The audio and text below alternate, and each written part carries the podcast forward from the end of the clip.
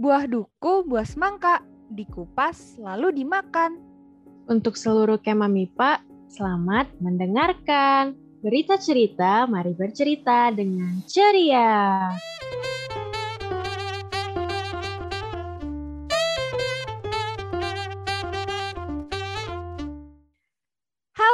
Kema MIPA, ketemu lagi nih di series Road to FMIPA sama aku Caca dari FMIPA 2019 dan partner aku. Halo Kema, aku Ibet dari FMIPA 2020. Setelah kemarin ngobrol-ngobrol sama Himatika, kali ini kita bakal ngobrol-ngobrol sama siapa nih, Cak? Hari ini kita bakal ngobrol-ngobrol sama Himaka nih, Kema MIPA, Himpunan Mahasiswa Kimia. Yuk langsung aja kita panggil orang yang bakal nemenin kita ngobrol-ngobrol hari ini. Halo Kang Adi, halo Kang Rashif. Halo teman-teman. Halo, halo. Nah, ini dia nih. Hari ini kita bakal ditemenin sama Kang Adi dan Kang Rashif. Boleh langsung kenalan?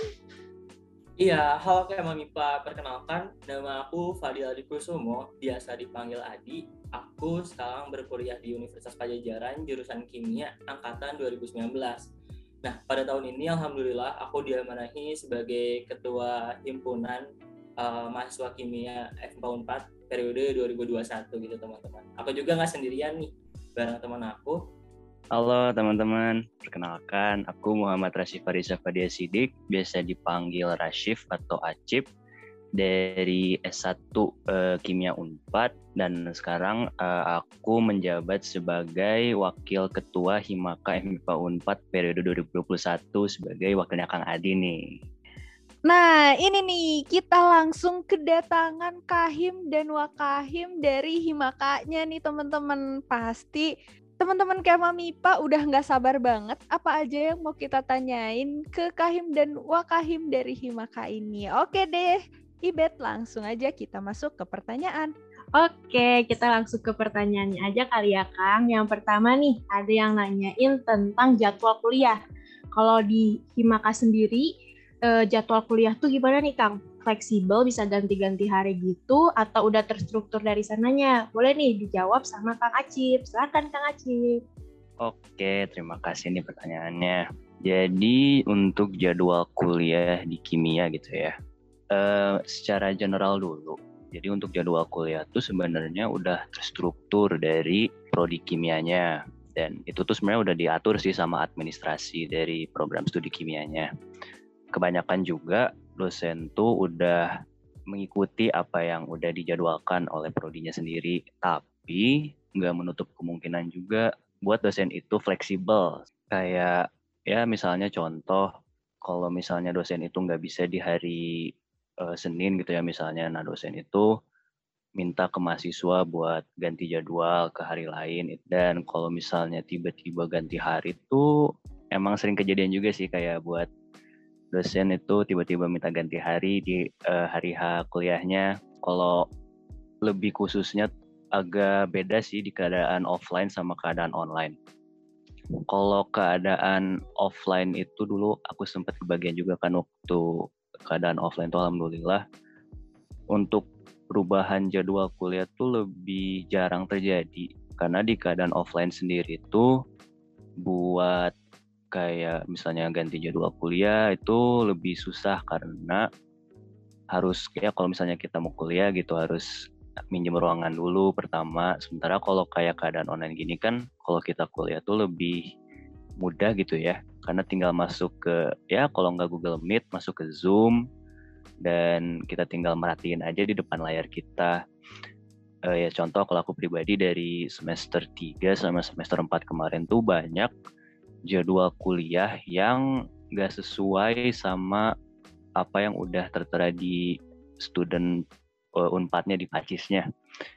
Jadi ya di student unpadnya katanya kuliah di hari ini, tapi pas sama dosennya ternyata ngomongnya di hari lain. Jadi kan ke mahasiswa juga bingung sendiri gitu.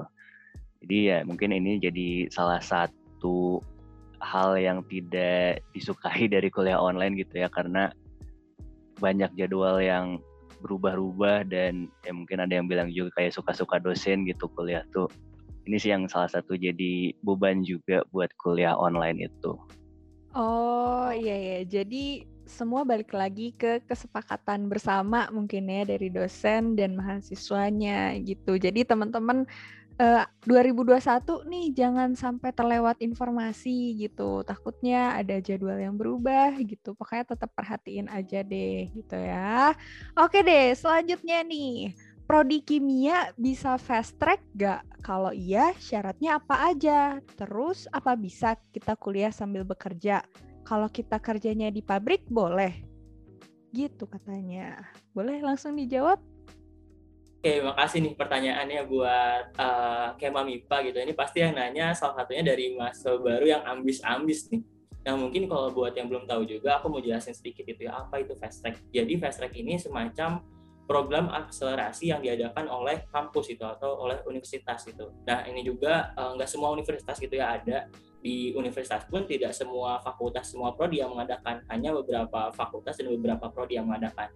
Nah alhamdulillahnya uh, prodi kimia Unpad ini uh, apa ya mempunyai program ini gitu. Jadi program uh, akselerasi ini mengintegrasikan S1 dan S2 uh, dalam waktu lima tahun teman-teman.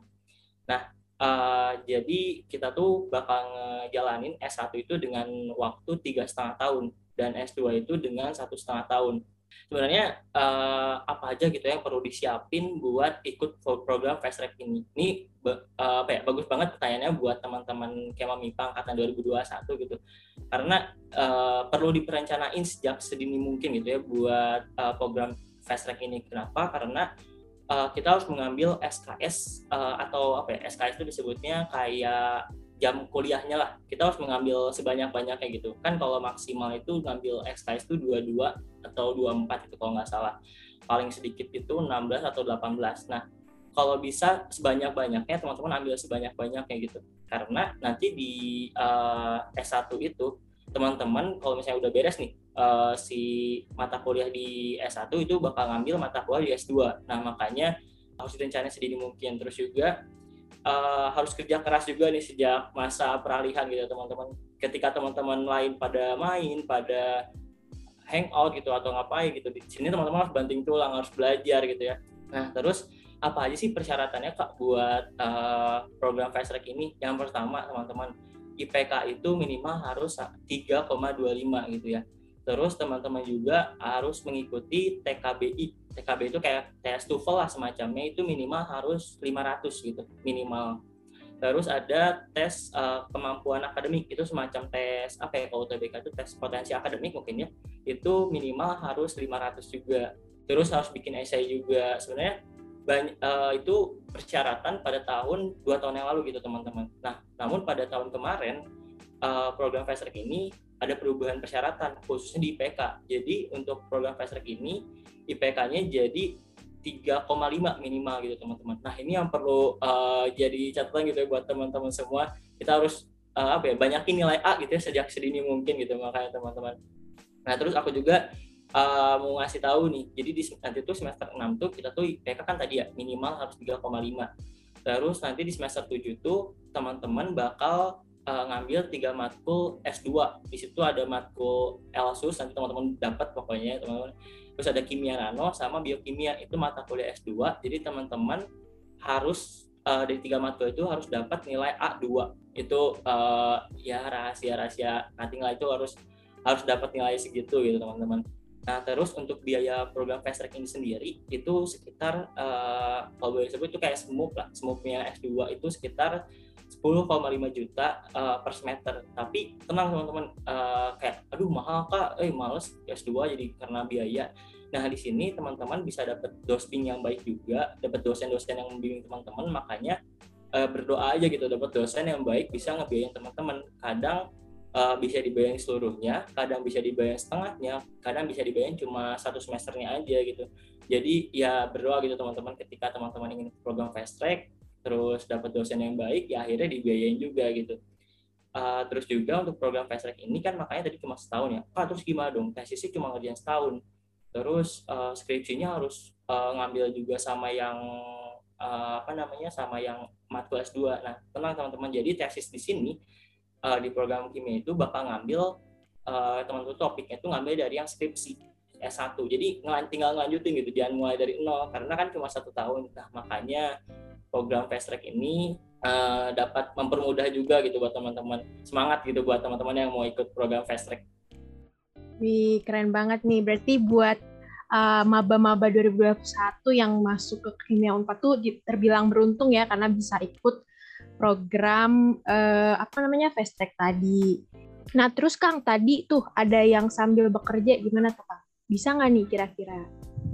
Jawabannya bisa teman-teman, tapi sesuai dengan lab teman-teman gitu. Misal teman-teman uh, dapat TA uh, yang harus di lab terus. Nah, itu teman-teman nggak bisa buat uh, kerja di luar. Tapi kalau misalnya teman-teman kayak yang cuma uh, apa ya ngerjain komputasi jadi di kimia juga ada namanya komputasi gitu ya jadi teman-teman. Jadi memprogram senyawa-senyawa kimia tapi melalui suatu program. Nah itu kan uh, kerjanya bisa di mana aja? Ya di laptop di komputer rumah. Nah itu bisa banget sambil kerja gitu sesekali ke lab kampus gitu Oh iya, tadi kan aku ngejelasin buat yang kerja biasa aja gitu ya, maksudnya yang uh, mungkin bisa ada yang part time atau uh, lain semacamnya. Tapi kan kalau pabrik yang padat itu, itu ya memungkinkan, tapi ya teman-teman harus sesuaikan uh, jadwal teman-teman dengan jadwal kuliah gitu. Jadi teman-teman lihat dulu jadwal kuliahnya apakah sibuk banget atau seperti apa.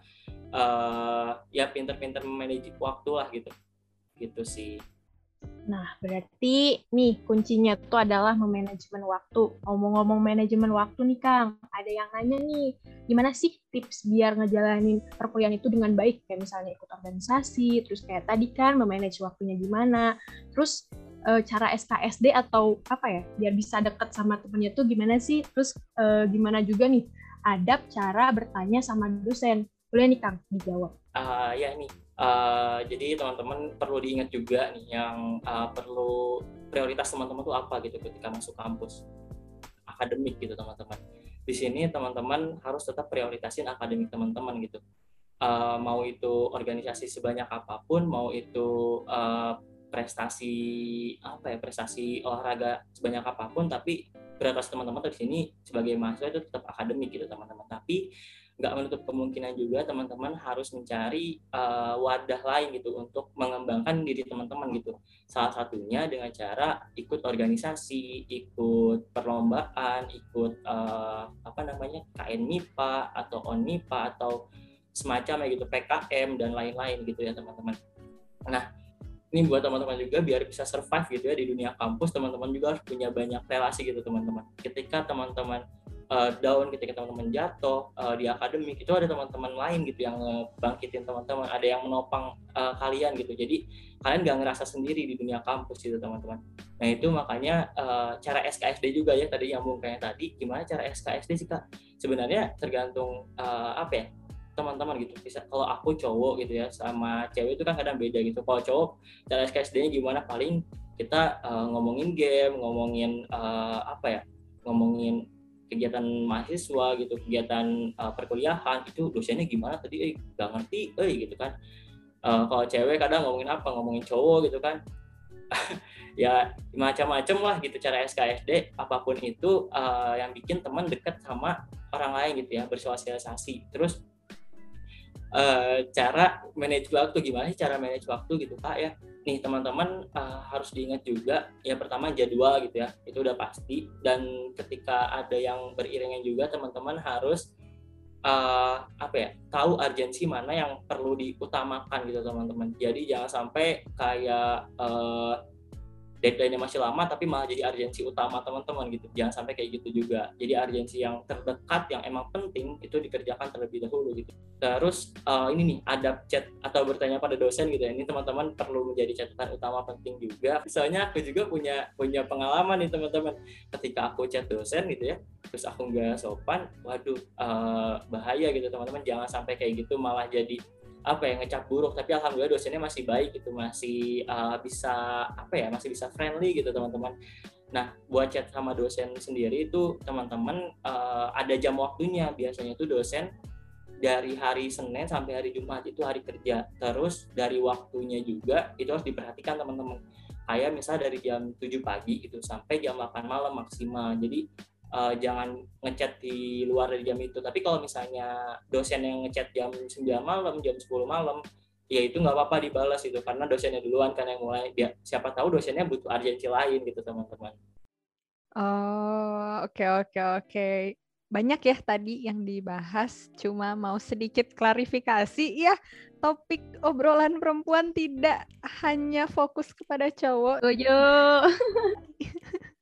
Oke, nah gitu teman-teman. Dan sebelum jauh-jauh nih ke perkuliahan, terus ke uh, lulus, ke S2, kita balik lagi.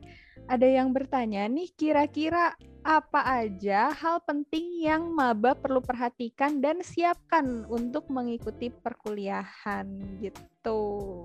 Uh, mungkin dari aku gitu ya, ketika aku jadi maba atau ketika aku sekarang melihat maba, uh, pertama itu yang perlu perlu disiapin itu siapin fisik teman-teman pertama, karena uh, teman-teman buat yang kuliah pulang gitu ya, yang rumahnya di Bandung, kampus di Jatinangor gitu teman-teman itu perlu punya fisik yang kuat juga. Aku juga uh, pulang pergi Bandung gitu teman-teman nggak ngekos. Nah di sini juga harus punya fisik yang kuat kan makanya aku bilang. Terus juga uh, capek juga teman-teman kuliah dari pagi sampai sore itu harus uh, nunggu di mana? Kadang nunggu di kosan teman kadang di asrama teman kadang di uh, kantin nongkrong gitu ya. Itu juga teman-teman harus punya fisik yang kuat gitu ya.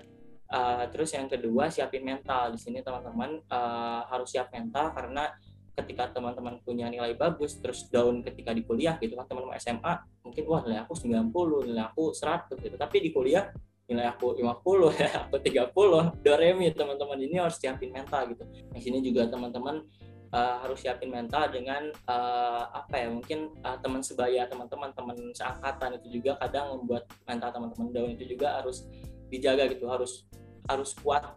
Uh, makanya di sini teman-teman uh, apa ya perlu disiapkan juga ketika ikut kegiatan masa bimbingan juga ya teman-teman harus diikuti dengan baik gitu biar uh, apa aja yang perlu disiapkan masa perkuliahan ini dapat teman-teman aplikasikan gitu buat ke depannya. Terus yang ketiga bikin plan jangka panjang gitu teman-teman soalnya yang udah aku bilang tadi buat fast track segala macam terus misalnya teman-teman pengen menjadi juara satu PKM nasional gitu teman-teman atau teman-teman mau berwirausaha ketika sambil berkuliah itu kan perlu plan ya teman-teman nah ini juga menjadi suatu hal yang penting gitu teman-teman. Ketika teman-teman pengen jadi misalnya pengen jadi ketua himpunan juga gitu pengen ketua ketua BEM fakultas ketua BEM universitas itu juga perlu plan gitu. Nah itu perlu disiapin dari sekarang teman-teman. Terus yang ketiga cari temen juga cari relasi. Terus uh, jadi yang uh, selanjutnya itu ada baik-baik dengan dosen. Ada juga teman-teman apa ya cutting kakak tingkat kakak tingkat kita yang uh, IPK yang jelek tapi mereka hubungan dengan dosen baik gitu. dibantu gitu teman-teman sampai lulus nah makanya harus baik-baik gitu ya dengan dosen biar bisa survive lah di perkuliahan juga gitu nah terus uh, apa ya siapin diri kalian gitu. dari kan sekarang kalian siswa gitu ya menjadi mahasiswa itu bakal banyak informasi bakal banyak isu-isu yang datang gitu ke kalian baik itu dari isu yang uh, negatif gitu di perkuliahan isu di skala nasional dan lain-lain sebagainya itu teman-teman sebagai mahasiswa harus lebih banyak jangkauan wawasannya gitu dan informasinya jadi bukan sebagai siswa lagi yang cuma belajar matematika, fisika, biologi, dan IPS dan lain sebagainya, tapi teman-teman harus lebih mempelajari banyak hal di luar sana gitu teman-teman. Uh, oh ini buat yang kuliah di Jatinangor juga siapin kos-kosan gitu ya, ketika luring, terus banyak berdoa juga gitu teman-teman. Ibadahnya banyakin gitu. Mungkin dari aku segitu aja teh cari biar. Oke deh, tuh tadi yang perlu disiapin ada fisik, mental, planning, terus relasi, hubungan baik sama dosen, terus siapin juga jangkauan wawasan kita. Terus yang terakhir tadi ada kos-kosan dan ibadah nih. Buat maba 2021 boleh banget nih tadi dicatat-catat dan disiapin ya buat nanti sebelum mulai perkuliahannya. Nah nih Kang, ada pertanyaan terakhir nih. Hanya ini dari maba-maba yang udah gak sabar banget nih buat kuliah. Pertanyaannya, Kak, spill dong buku-buku buat TPB ataupun buku-buku tambahan lainnya yang dipakai di semester 1. Boleh nih dijawab Oke, jadi uh, untuk TPB sendiri itu sebenarnya aku pribadi nggak ada kayak satu buku yang jadi referensi buat uh, belajar mata kuliah TPB. Jadi untuk ya mata kuliah TPB itu kan kayak bahasa Indonesia, bahasa Inggris, agama, PKN, terus OKK juga, olahraga kebugaran kreativitas. Uh, ini tuh jadi lebih ya teman-teman perhatiin aja apa yang dosen sampaikan, terus apa yang dosen uh, omongkan gitu ya. Jadi apa yang dosen ya secara tersirat dicatat aja sama teman-teman Terus untuk ya tambahan kalau teman-teman mau juga sebenarnya teman-teman bisa lihat dari uh, pelajaran yang udah teman-teman uh, pelajarin di kelas 12 karena sebenarnya semester satu tuh nggak jauh-jauh lah dari apa yang udah teman-teman pelajarin.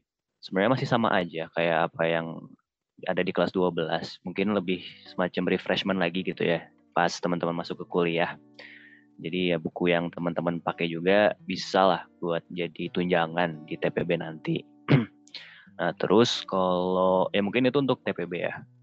Kalau untuk mata kuliah lainnya, mata kuliah ya lebih menjurus ke kimia gitu ya. Di semester 1 tuh ada kimia dasar. Nah, kimia dasar itu nggak beda jauh sih sama kimia yang udah teman-teman pelajarin juga. Kurang lebih itu materinya ada tentang sifat koligatif larutan, reaksi redoks, elektrokimia, sel volta, elektrolisis, ya dan ya semua pelajaran tentang kimia gitu. Itu masih bakal dibawa di semester pertama.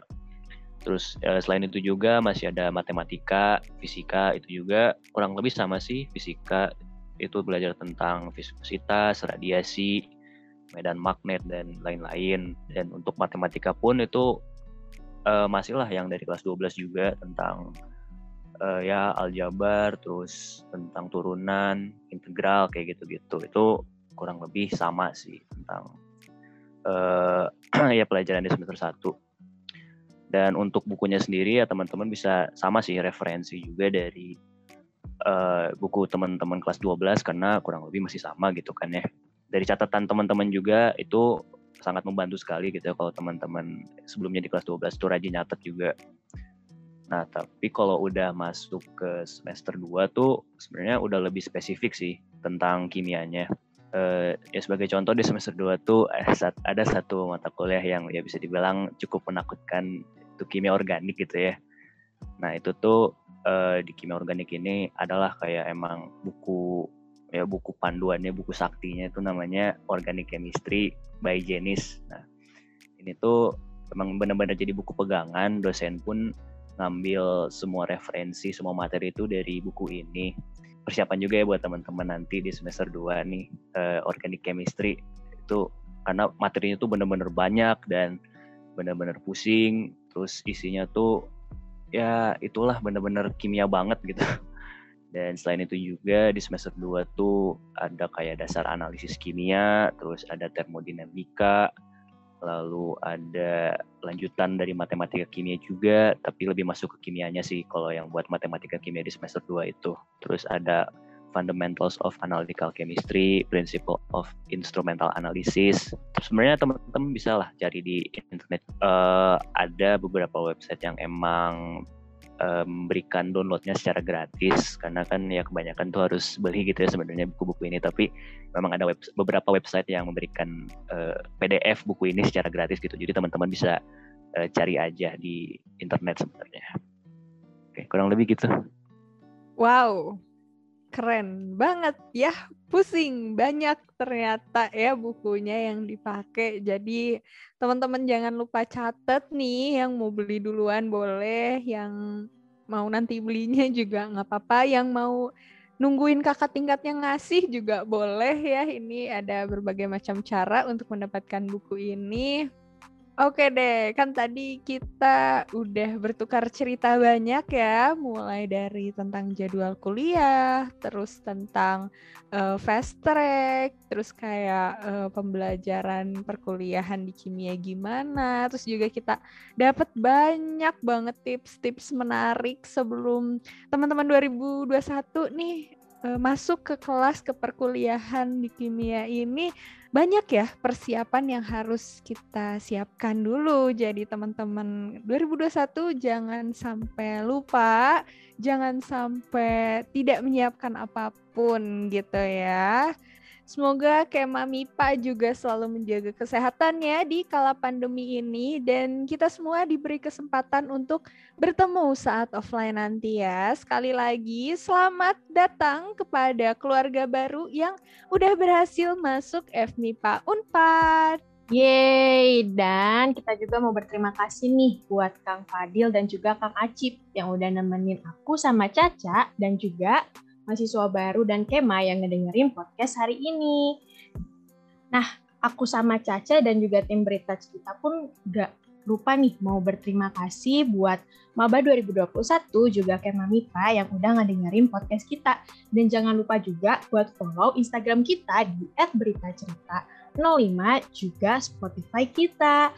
Dan see you on next episode. Berita cerita, mari bercerita dengan ceria.